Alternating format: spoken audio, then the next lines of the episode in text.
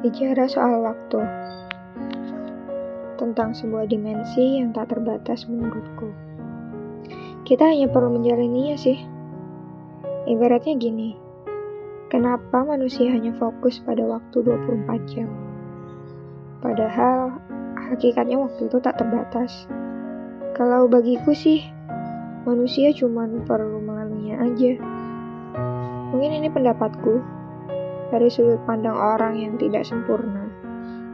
Kalau misal orang yang memiliki sudut pandang dari segi manusia sempurna atau manusia normal, pasti dia akan berpikir kita harus bergerak sesuai waktu.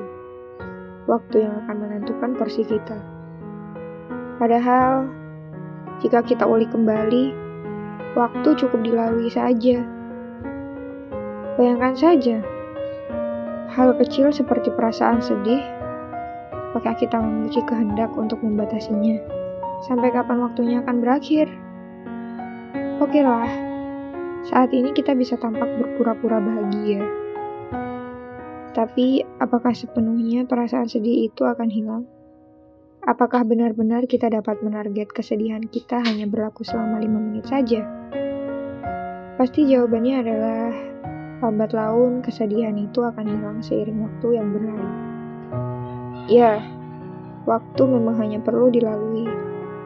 Tapi coba pikirkan, bagaimana jika kamu sedang berada di posisi sebagaimana orang yang putus asa? Sudah hilang arah, gak tahu mau ke mana, dan kamu hanya dapat bergantung pada waktu.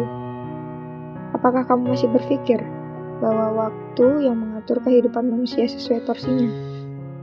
Yang ada dalam pikiran hanyalah biar waktu yang menyelesaikan semuanya.